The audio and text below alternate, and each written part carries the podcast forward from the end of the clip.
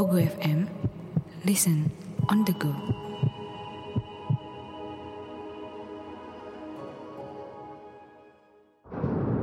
Hai, saya Chow Sing Sing. Selamat datang di podcast Horror Night Story. Pasang telinga, buka pikiran, dan biarkan rasa takut merayap di dalam dirimu. Selamat mendengarkan.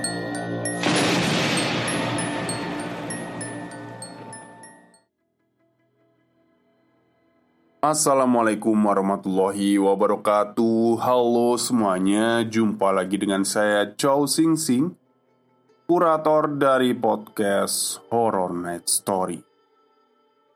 Halo apa kabar semuanya? Semoga kalian semua sehat-sehat ya.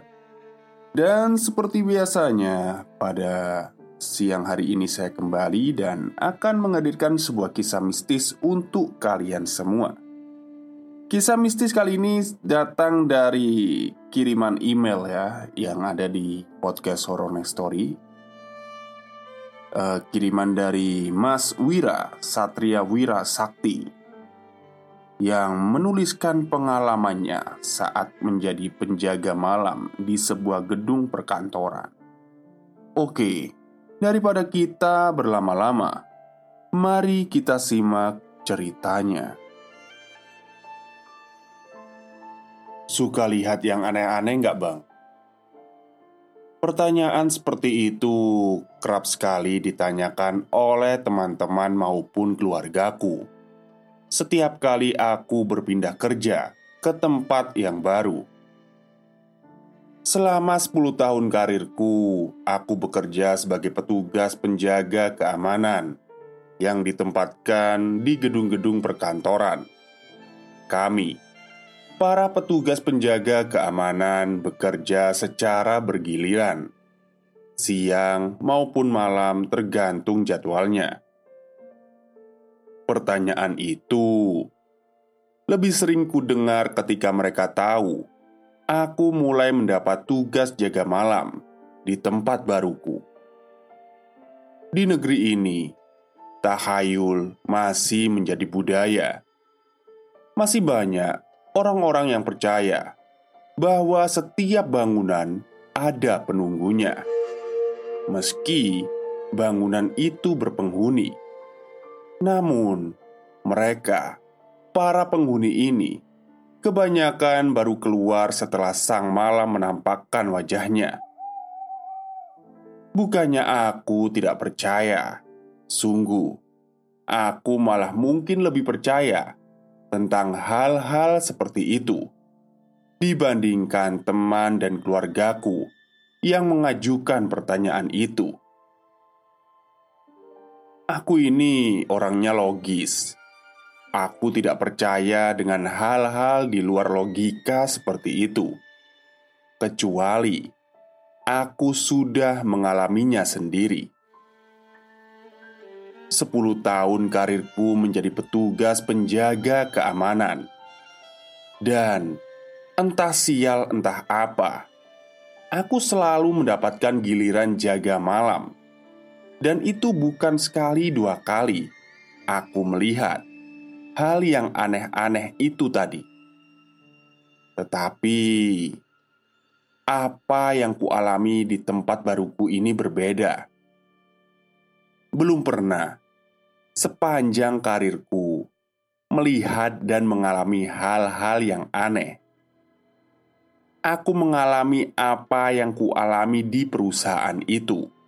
Bahkan untuk membuat cerita ini lebih mencekam dari semua orang yang kuceritakan tentang peristiwa yang kualami ini. Belum ada satupun yang bahkan mendengar cerita yang serupa. Mendengar pun tidak. Bayangkan itu. Kalau kau yakin kau pernah mengalami hal yang sama anehnya, apalagi lebih aneh dari yang kualami. Hubungi saja aku. Kita ngobrol-ngobrol sembari ngopi-ngopi. Aku yang traktir. Perusahaan tempat bekerjaku ini ya sebut saja namanya PT Araska berlokasi di pinggiran kota Bandung. Lokasinya terbilang jauh dari pusat kota. Bukan sesuatu yang mengherankan. Jika kalian tahu bahwa perusahaan ini adalah sebuah perusahaan yang produksi manekin, ya, manekin, patung-patung yang dipajang di toko-toko yang digunakan untuk memamerkan produk-produk mode. Jadi, bisa dikatakan perusahaan ini sebagian besar fungsi bangunannya adalah pabrik. Sebagaimana umumnya pabrik, mereka cenderung berlokasi di pinggiran kota, dan sebagaimana umumnya bangunan-bangunan pabrik, perusahaan ini tidak hanya memiliki satu gedung kecil namun, beberapa gedung-gedung besar selain gedung manajemen dan administrasi, mereka juga memiliki gedung produksi dan gudang penyimpanan. Masalahnya, ketika aku mulai bekerja di sana, gedung-gedungnya belum sepenuhnya selesai dibangun. Gedung manajemennya sudah siap pakai dan bahkan sudah difungsikan. Sementara itu, gedung produksi dan gudangnya mengalami renovasi perluasan. Masih sekitar 80% pembangunan. Namun, produksi dan penyimpanan sudah berjalan di bagian-bagian gedung yang sudah selesai dibangun ini. Karena luasnya itulah, mereka merekrut cukup banyak staf petugas keamanan. Aku sudah bekerja di sana selama seminggu, dan seluruhnya adalah giliran dinas jaga malam. Sejauh ini, aku belum pernah melihat yang aneh-aneh. Belum pernah. Hari ini saya dapat giliran tugas jaga malam bareng Wira ya? Tanya Pak Hamdan Salah satu staf keamanan yang kebetulan sudah bekerja di sana selama empat bulan. Iya pak, debut nih kita duet malam ini Jawabku sambil tertawa. Di setiap giliran jaga, petugas keamanan yang bertugas ada enam orang. Masing-masing sepasang Menjaga satu gedung aku dan Pak Hamdan kedapatan bertugas penjaga gedung manajemen yang letaknya paling depan dari komplek, paling dekat dengan gerbang, dan pasangan maupun lokasi gedung jaganya selalu diputar setiap harinya. Dan selama seminggu bekerja di sana, hari itu pertama kalinya aku mendapatkan giliran jaga berpasangan dengan Pak Hamdan Pak Hamdan kerap berkelakar bahwa gedung manajemen adalah gedung yang paling enak untuk dijaga. Pertama, nyaris tidak ada patung manekinnya, kecuali yang memang sedang dipinjam untuk digunakan oleh tim manajemen. Kalau kalian pernah jalan-jalan di mall malam-malam ketika hampir jam tutup, dan melewati patung manekin, kalian juga pasti kerap merasakan sensasi yang semeriwing menakutkan. Padahal manekinnya itu pakai baju. Bayangkan, sekarang kalian harus berjaga, bertugas berkeliling di dalam pabrik yang isinya manekin-manekin itu putih telanjang dan jumlahnya ribuan. Kalian tidak tahu yang mana kan patung yang tiba-tiba berbalik dan menghampiri kalian. Yang kedua, karena gedung manajemen letaknya paling depan, paling dekat dengan gerbang masuk. Kalau ada yang aneh-aneh, mau kaburnya gampang. Begitu kata Pak Hamdan. Mampuslah mereka yang dapat giliran jaga di gedung produksi yang letaknya paling belakang dari komplek kantor itu. Jarak dari ujung belakang ke gerbang depan tidak cuma sekedar 10 meter itu. Absen dulu nih, Satria, kata Pak Hamdan. Sesaat kata-katanya terhenti untuk mengecek dan membaca nama belakangku yang tertulis di lembar absen manual yang disorongkannya ke arahku. Wira Sakti, Pak, Sautku sambil tertawa dan mengisi lembaran absenku. Lembar absen manual digunakan oleh koordinator tim keamanan yang orangnya sudah tua dan gagap teknologi. Sementara absen fingerprint untuk absensi ke HRD dan tim manajemen terkait gaji. Sambil aku dan Pak Hamdan bersiap-siap untuk menuju titik jaga kami, aku melihat wajah Arya. Staf petugas keamanan baru yang baru saja masuk bersamaan denganku. Kelihatannya kusut. "Kamu kenapa ya?" tanyaku. "Menurutmu?" sahut Pak Hamdan sambil tergelak. Aku langsung tahu alasannya. "Oh, kamu dapat tugas jaga di gedung produksi ya?" Todongku. Arya tidak menjawab. Dia langsung bangkit dari duduknya, mengambil senternya dari meja, dan berjalan menuju gedung produksi di belakang bersama Ervan rekannya. Aku melirik jam tanganku sambil berjaga menuju gedung manajemen dari ruang security di dekat gerbang. Waktu sudah menunjukkan pukul 7 malam. Memasuki pintu depan gedung manajemen, aku dan Pak Hamdan menyalakan lampu senter kami. Sebagian besar lampu di gedung-gedung milik PT Araska dimatikan pada malam hari. Alasan penghematan tentu saja Sebagian lampu-lampu yang menyala ada di titik-titik kritis yang beresiko jika terlalu gelap, seperti tangga, teras, balkon, dan beberapa titik lainnya. "Saya ke sana ya, Wir," kata Pak Hamdan sambil memiringkan kepalanya ke arah kiri. Sebelum akhirnya dia memutar badannya dan menelusuri lorong di sebelah kiri kami. "Oke, Pak, siap." Sahutku sambil juga berbalik ke kanan dan menelusuri lorong di sisi kanan pintu masuk. Protokolnya memang demikian.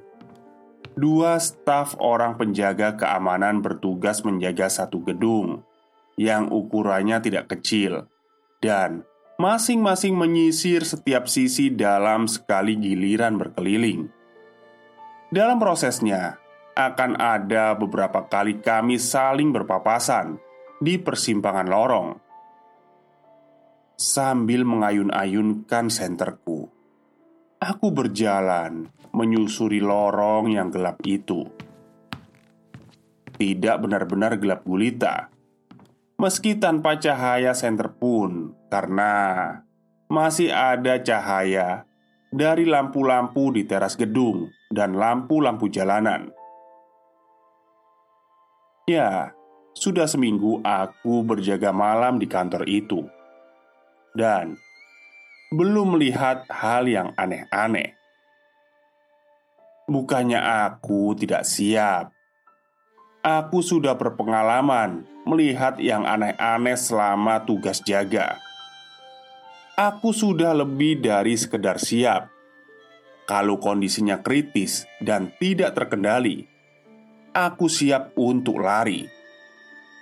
Aku hanya berharap, kalaupun ada yang aneh-aneh, jangan sampai terjadi ketika aku sedang berada di lantai tiga, lantai teratas dari gedung manajemen. Bukan apa-apa, ya, guys kaburnya lu susah. Oke, sudah sekitar setengah jam aku menyusuri lantai satu gedung manajemen yang memang sangat luas itu. Tiba-tiba, aku seperti sayup-sayup mendengar sebuah suara yang memanggilku liri dari kejauhan di belakangku. Wira. Suaranya terdengar seperti suara laki-laki dewasa.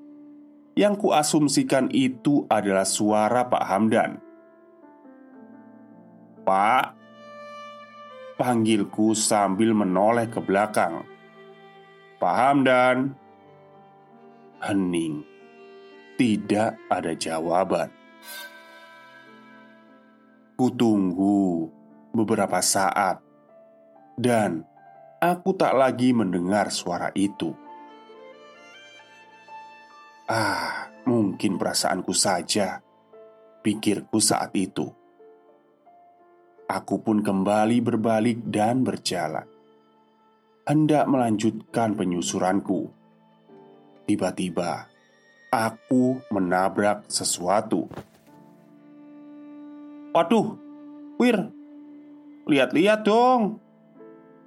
Pak Hamdan yang ternyata kutabrak mengomeliku. "Eh, Pak," kataku kaget. Aku baru saja hendak meminta maaf karena tak sengaja menabraknya. Tetapi sesuatu mengalihkan pikiranku Sehingga aku malah menanyakannya Bapak tadi manggil saya ya? Kapan? Barusan Manggil sih sama ngomel-ngomel. Bukan, Pak, bukan itu. Maksud saya, sebelum saya nabrak Bapak. Hah? Enggak lah. Saya malah baru lihat kamu sewaktu tadi kamu nabrak saya. Emang kenapa? Oh, gumam saya. Tak apa-apa, Pak. Nanya aja. Posisinya saat itu aku sedang berjalan lurus Sementara Aku dan Pak Hamdan Berpapasan di sebuah persimpangan lorong di mana ia sedang menyusuri lorong itu dari sisi kiri ke sisi kananku. Ya udah, Pak. Saya lanjut lagi. Nanti kita bikin kopi di atas ya. Siap, Pak. Jawabku. Kami pun melanjutkan perjalanan kami. Pak Hamdan kembali melanjutkan penyusurannya ke arah kiriku, sementara aku terus lurus. Lorong yang kulewati setelah persimpangan itu adalah lorong buntu. Di ujungnya ada toilet di sisi kiri lorong. Jalan buntu pun tetap harus kulewati sampai ujung termasuk memeriksa ke dalam toilet. Baru saja aku sampai di ujung lorong, dan tanganku hendak meraih kenop pintu toilet. Tiba-tiba, aku mendengar ada suara air keran mengucur. Suara keras di Westafel. Tiba-tiba terdengar suara air keran ini Berarti antara salah satu dari tiga sebab. Yang pertama, ada orang di dalam toilet, dan jelas itu bukan Pak Hamdan karena aku baru saja melewatinya, dan ia menuju ke arah lain. Selain itu, ujung lorong itu buntu. Pak Hamdan tidak mungkin tiba di toilet tanpa melewatiku terlebih dahulu. Yang kedua, ada kemungkinan orang lupa mematikan keran air, tapi rasanya tidak mungkin.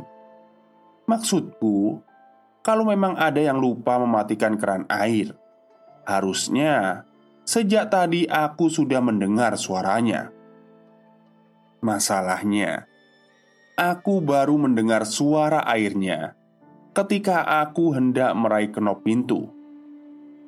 Dan yang ketiga, pipa airnya ada kemungkinan jebol, tapi itu juga kemungkinannya kecil. Tapi ya, bisa saja terjadi. Dengan segala pertimbangan dan persiapan di dalam kepala, kurai kenop pintu toilet dan kuputar. Di luar dugaanku, ruangan toilet itu terang benderang.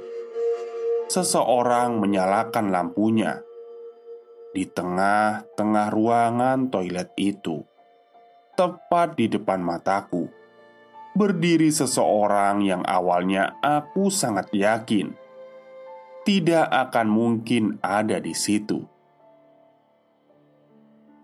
Pak Hamdan, kataku kaget.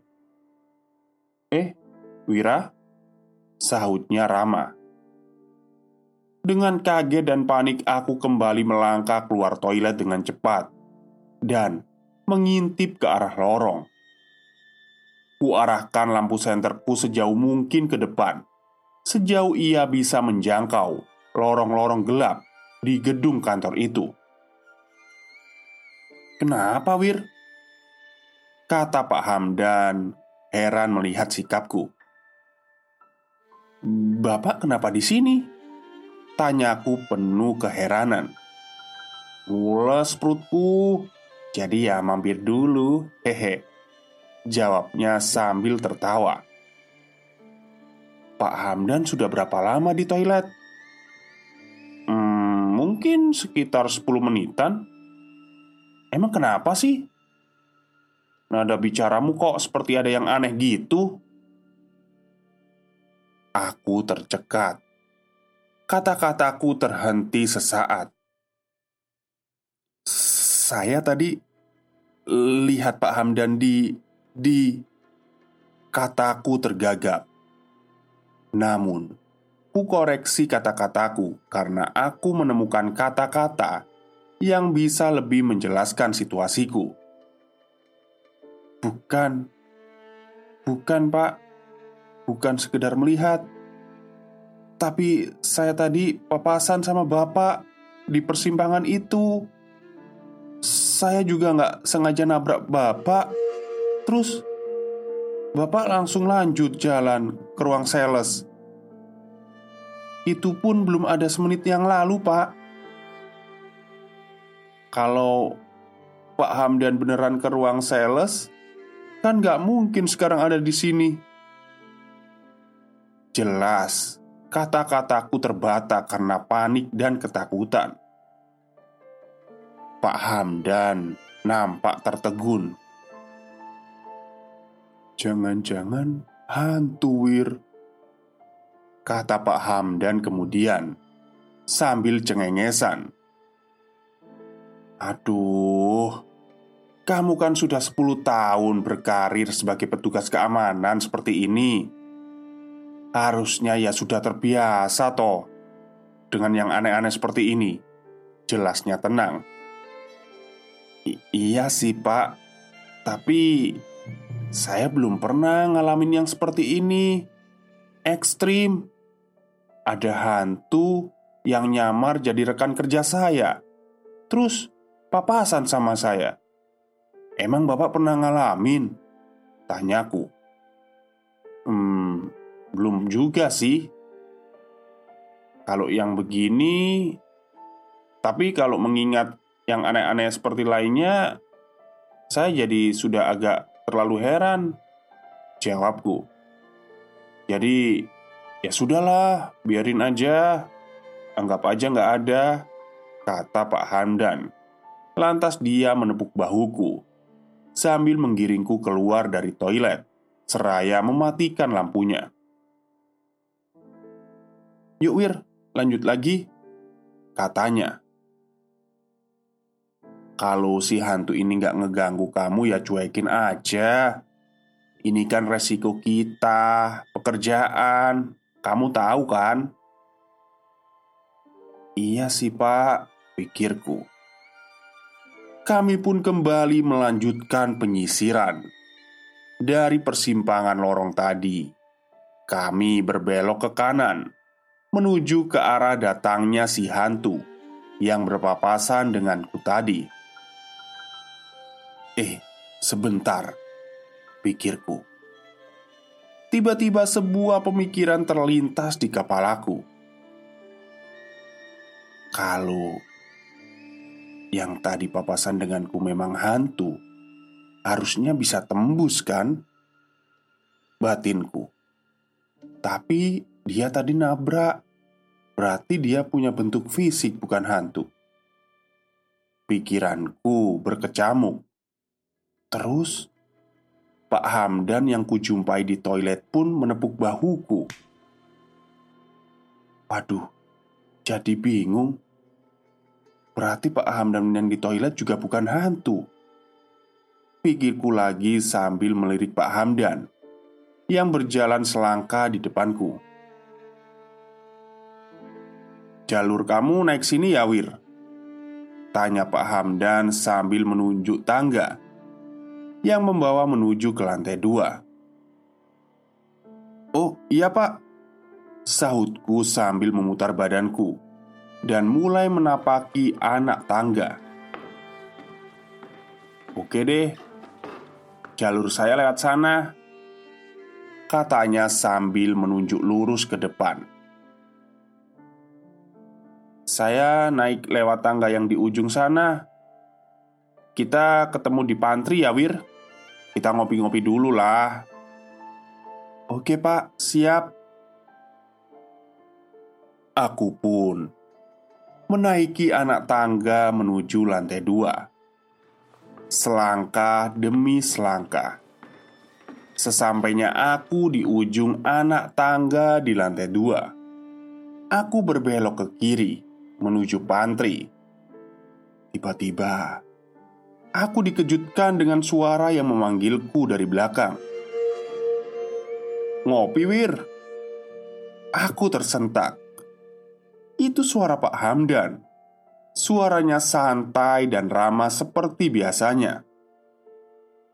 Tapi aku baru saja meninggalkan Pak Hamdan di lantai satu Beliau seharusnya sedang menuju tangga di ujung depan, dan ketika aku mendengar namaku dipanggil, aku baru saja menginjak anak tangga terakhir, dan suaranya berasal dari lorong di belakangku, bukan dari anak tangga di bawahku. Tidak mungkin Pak Hamdan tiba-tiba ada di belakangku Sambil menelan ludah, aku memutar balik badanku dengan cepat. Seraya mengarahkan lampu senterku ke lorong di belakangku. Woi, Wir, silau tahu? Ku dengar Pak Hamdan mengomel. Pak, Pak Hamdan, panggilku terbata-bata. Iya, pinggirin lampunya, Wir. Omelnya. Aku pun dengan serta-merta menggeser lampu senterku ke samping. Cahaya dari lampu senterku dan lampu senter Pak Hamdan Meski tidak terang sekali namun cukup untuk kami dapat melihat wajah satu sama lain. Kamu kenapa pucat gitu? Tanyanya dengan kening berkerut setelah ia dapat melihat wajahku. Awalnya aku tidak yakin jika aku ingin menceritakannya. Tapi apa yang kualami saat itu sudah ketiga kalinya Akhirnya kuputuskan untuk menceritakan semua kejadian aneh Yang kualami malam itu pada Pak Hamdan Saya belum mampir ke toilet mana pun di gedung ini malam ini Wir Katanya dengan pelan namun aku dapat merasakan kecemasan di dalam nada suaranya. Saya juga belum papasan sama kamu sebelum ini, tambahnya. Apalagi sampai tabrakan. Eh, bapak, jangan bercanda, pak. Keluhku.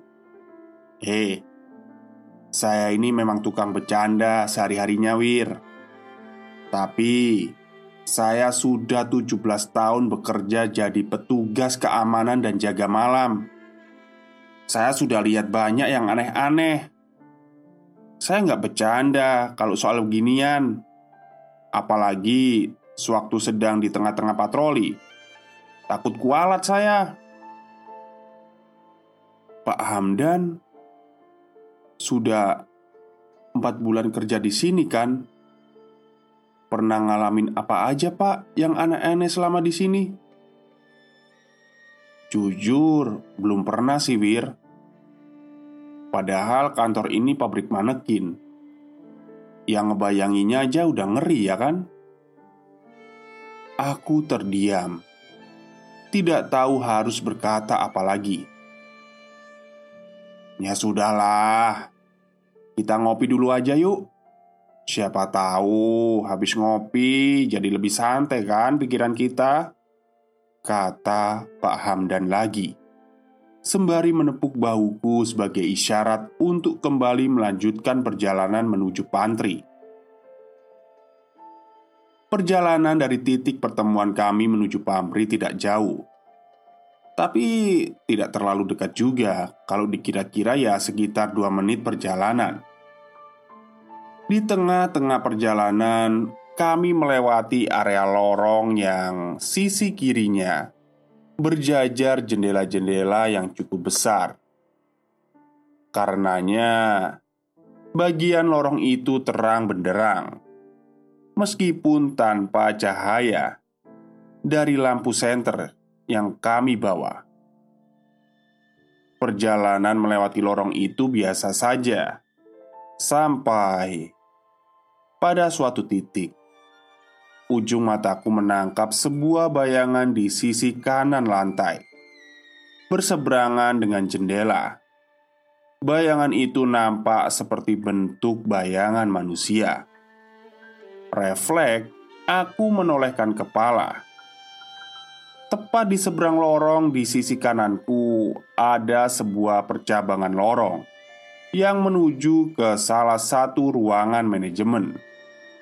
Tak jauh ke dalam lorong, aku melihat bentuk manusia. Awalnya tak terlihat begitu jelas karena mataku masih berusaha membiasakan Seketika aku terhenyak, meskipun tertutup separuh keremangan. Aku dapat melihat sosok itu dengan cukup jelas. Sosok itu berdiri tegak, tak bergeming, mengenakan seragam security PT Araska. Wajahnya yang berusia 40-an nampak jelas di mataku. Wajah seorang yang tidak asing. Wajah seseorang yang sejak jam 7 malam tadi berpatroli di dalam gedung manajemen bersamaku. Pak Hamdan. Leherku tercekat. Tubuhku tiba-tiba membeku. Aku bahkan tidak berani untuk menoleh ke samping kiriku sekedar untuk memastikan apakah Pak Hamdan yang sejak tadi berjalan bersamaku masih ada di sana. Karena Pak Hamdan yang lain kini dengan nyata berdiri tak jauh dariku. Aku bisa melihatnya dengan jelas. Sekarang aku melihat ada dua orang Pak Hamdan Mataku terbelalak lebar, jantungku berdegup semakin kencang.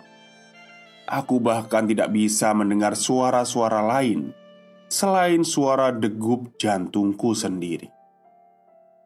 Sementara itu, mataku terus berpaku pada Pak Hamdan yang kulihat berdiri di ujung lorong di sisi kananku, disinari oleh cahaya rembulan yang melewati jendela-jendela besar di sisi kiriku.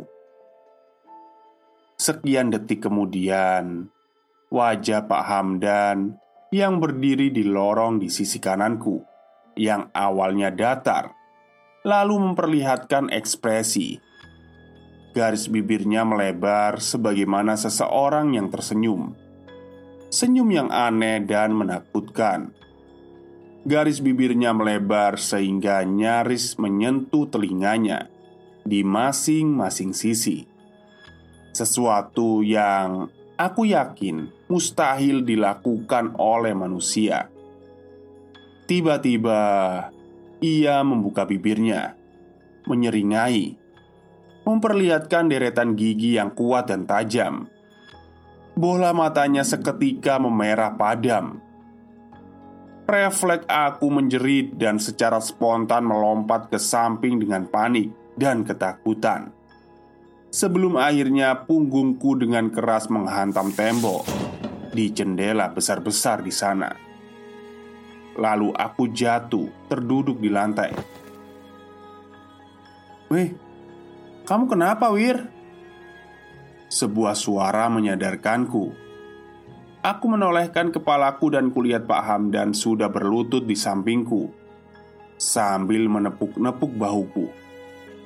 Dengan cepat, aku kembali mengalihkan pandanganku ke arah lorong.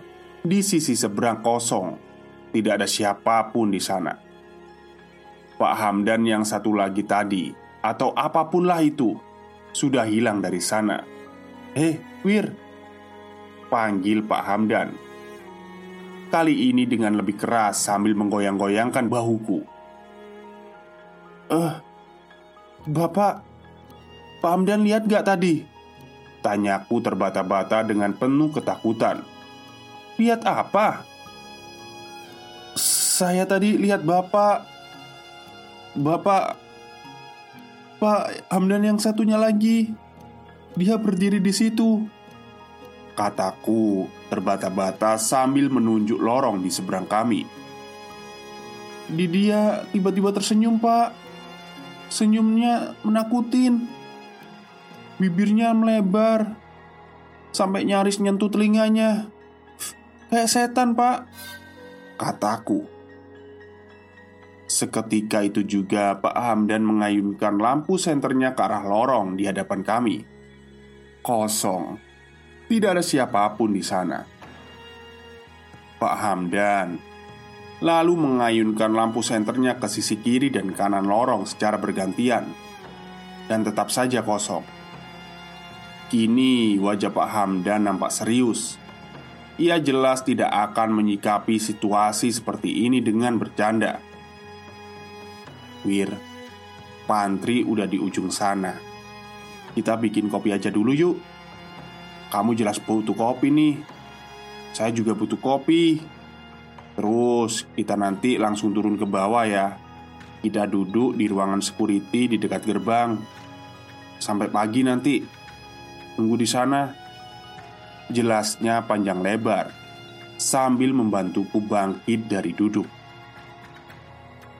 Oke pak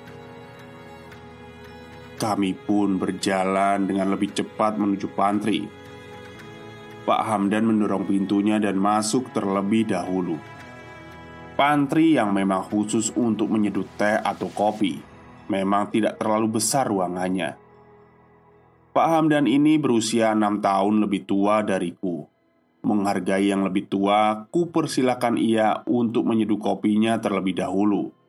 Sementara Pak Hamdan meracik dan menyeduh kopinya Aku celingak-celinguk melihat isi ruangan itu. Sampai di suatu titik pandanganku mendarat kembali ke pintu pantry di bagian atas pintu masuk pantry itu terdapat jelas jendela kecil, kira-kira setinggi kepala orang dewasa. Dengan adanya jendela kecil itu, siapa pun dapat melihat ke dalam ruangan pantry yang kecil itu tanpa harus membuka pintunya terlebih dahulu. Hal itu dimaksudkan jika ruangan sedang penuh. Staf yang hendak menyeduh kopi atau teh dapat menunggu sementara di luar ruangan sampai staf yang di dalam selesai menyeduh kopi atau tehnya keluar. Sebaliknya, itu juga berarti mereka yang berada di dalam dapat melihat keluar ke arah lorong tanpa harus membuka pintunya. Di situlah sialnya aku. Tepat ketika pandanganku mendarat di jendela pintu pantry, aku melihat ada seseorang yang melintas di jendela. Karena kebetulan lampu di dalam pantry dinyalakan karena kami akan menyeduh kopi. Aku dapat melihat dengan jelas siapa yang melintas di balik pintu pantry itu. Pak Hamdan. Iya. Kalau kalian menyimak apa yang kuceritakan dari tadi, kalian mungkin sudah bisa menebak apa yang kulihat. Tapi akan kuberitahu kalian apa yang tidak kalian sangka.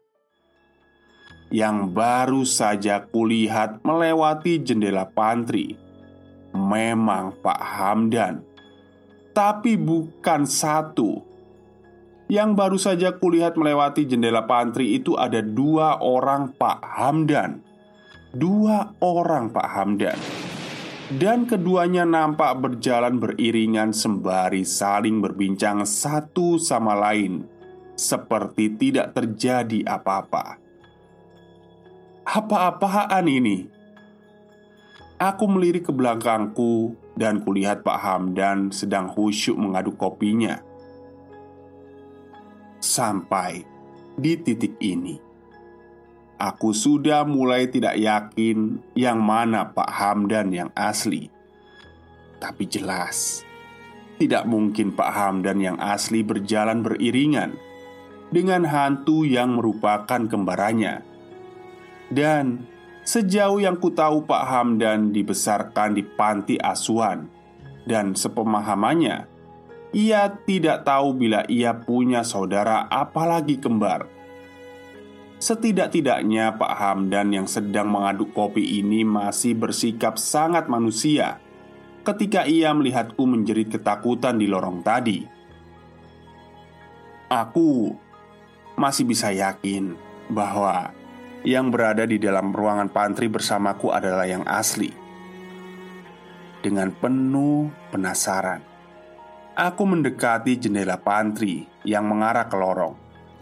Aku mengintip ke arah mana kedua Pak Hamdan tadi berjalan. Samar-samar, aku masih melihat keduanya berjalan beriringan menjauhi pantry sambil saling berbincang satu sama lain. Tiba-tiba, aku merasakan ponselku bergetar sebagai seorang petugas penjaga keamanan, aku tidak terbiasa membuka ponselku ketika sedang berpatroli. Biasanya aku melakukannya setelah kembali ke ruangan security selepas patroli. Tapi saat itu berbeda. Aku agak sedikit berharap getaran di ponselku berasal dari pacarku atau keluargaku.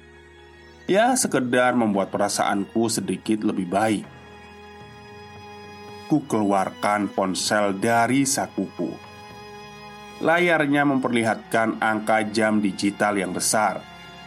Jam setengah sepuluh malam. Aku tidak percaya kalau sudah jam setengah sepuluh. Sudah secepat itukah waktu berlalu Selain jam, yang nampak di layar ponselku adalah notifikasi dari chat WhatsApp. Ada 10 chat baru dari tiga kontak, sehingga aku tidak bisa melihat dari siapa aja chat itu. Kubuka kunci layar telepon genggamku dan langsung kubuka aplikasi WhatsApp. Ada chat dari tiga kontak di sana. Nama dari salah satu kontak itu membuatku tersentak. Seketika darahku terasa membeku. Pak Hamdan. Perlahan aku menolehkan kepalaku ke belakang. Kulihat Pak Hamdan masih sibuk mengaduk kopinya. Astaga, lama sekali dia mengaduk kopinya. Chat dari Pak Hamdan diterima sekitar setengah jam yang lalu. Ku tekan notifikasinya dan aku melihat ada tiga pesan dari Pak Hamdan. Wir, sorry banget. Saya dari tadi berkali-kali telepon kamu tapi nggak terhubung. Jadi, saya kirim chat WhatsApp aja ya. Eh, anak saya yang kecil tiba-tiba aja demam tinggi, Wir. Jadi saya harus pulang nemenin istri sama anak. Saya juga udah bilang sama koordinator kok saya nggak bisa nemenin kamu jaga malam ini. Kamu nggak apa-apa kan kalau jaga sendirian malam ini? Aku terkesiap. Jantungku berdegup sangat kencang seperti genderang yang mau perang. Sampai aku menelan ludahku sendiri. Perlahan kutolehkan kepalaku ke belakang ke arah Pak Hamdan yang sedari tadi sedang menyeduh kopinya. Aku melihatnya, posisinya masih sama. Dia menundukkan kepalanya menatap cangkir kopinya. Tangannya masih menggenggam sendok kecil yang sejari tadi digunakannya untuk menyeduh kopi. Hanya saja, Kali ini ia sudah berhenti menyeduh kopinya. Namun posisi tangannya dan sendok masih di sana. Ya, gumamnya sambil perlahan menolehkan kepalanya ke arahku. Wajah Pak Hamdan yang awalnya datar perlahan mulai berekspresi. Garis bibirnya perlahan melebar dengan sangat tidak manusiawi Sampai nyaris menyentuh telinganya. Bersamaan dengan bibirnya membuka Dia memperlihatkan seringai rangkaian gigi-gigi yang besar dan tajam Dan aku mendengar perkataannya Ya, aku ketahuan Refleks aku menjerit keras penuh teror dan ketakutan sambil dengan cepat membuka pintu pantry dan berlari keluar. Satu yang terlintas di pikiranku, lari menuju tangga turun dan lari keluar. Dari pintu pantry aku berbelok ke arah kanan menuju tangga yang sebelumnya kunaiki. Tepat di ujung anak tangga paling atas, aku memutar badanku, bersiap untuk lari menuruni tangga. Tapi ketika aku menatap ke bawah tangga, aku melihatnya lagi. Ada Pak Hamdan. Dia berdiri beberapa anak tangga, tak jauh di bawahku dan sudah bersiap dengan seringai giginya yang besar dan tajam, serta bola matanya yang merah. Aku kembali menjerit penuh teror Sambil kembali balik, aku mencari jalan lain untuk keluar. Dengan segenap tenaga dan kecepatan yang kumiliki, aku bergegas lari ke ujung sana. Namun, ketika sedikit lagi aku mencapai anak tangga pertama, aku melihat sekelebat sosok bergerak menaiki tangga dengan cepat dan berbelok ke arahku. Pak Hamdan yang lain lagi. Aku berdiri di depan sana masih dengan dia, maksudnya. Dia berdiri di depan sana masih dengan seringai gigi, giginya yang tajam dan besar. Sialan, sialan, sialan, kataku. Dengan cepat aku berbalik sebuah ide melintas di kepalaku di antara kedua ujung tangga tadi. Di tengah-tengahnya berdiri sebuah jendela besar yang sebelumnya sempat kulewati ketika aku berpapasan untuk pertama kalinya dengan Pak Hamdan yang tadi menyeringai.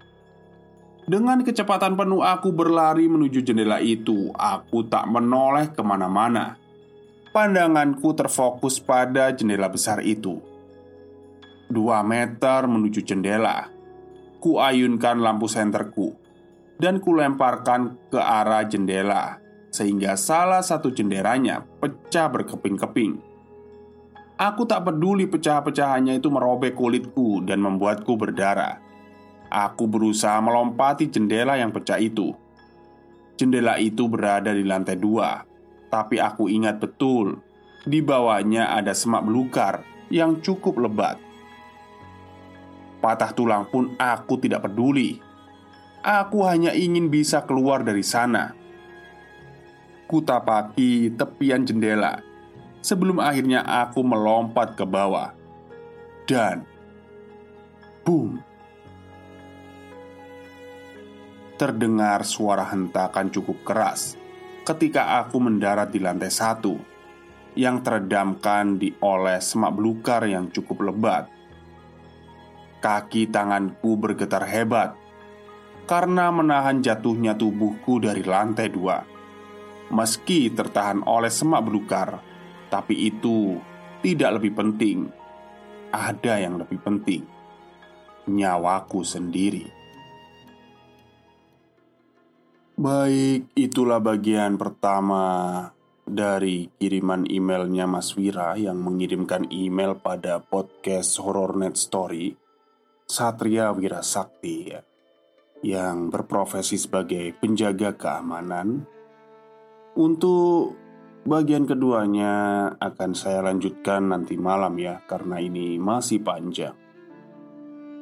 Tapi serem juga sih apa yang di apa ya dialami oleh Mas Wira ini, karena ekstrim banget ya.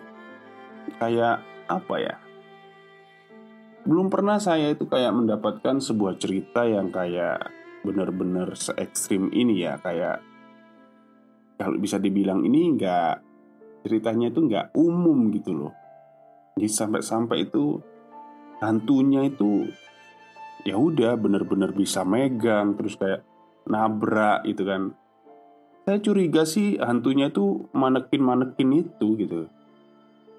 Ya nggak tahu lah. Nanti mungkin di akhir cerita bisa ada penjelasannya ya. Tapi ya nanti malam. Oke mungkin itu saja Cerita untuk siang hari ini. Kurang lebihnya saya mohon maaf. Wassalamualaikum warahmatullahi wabarakatuh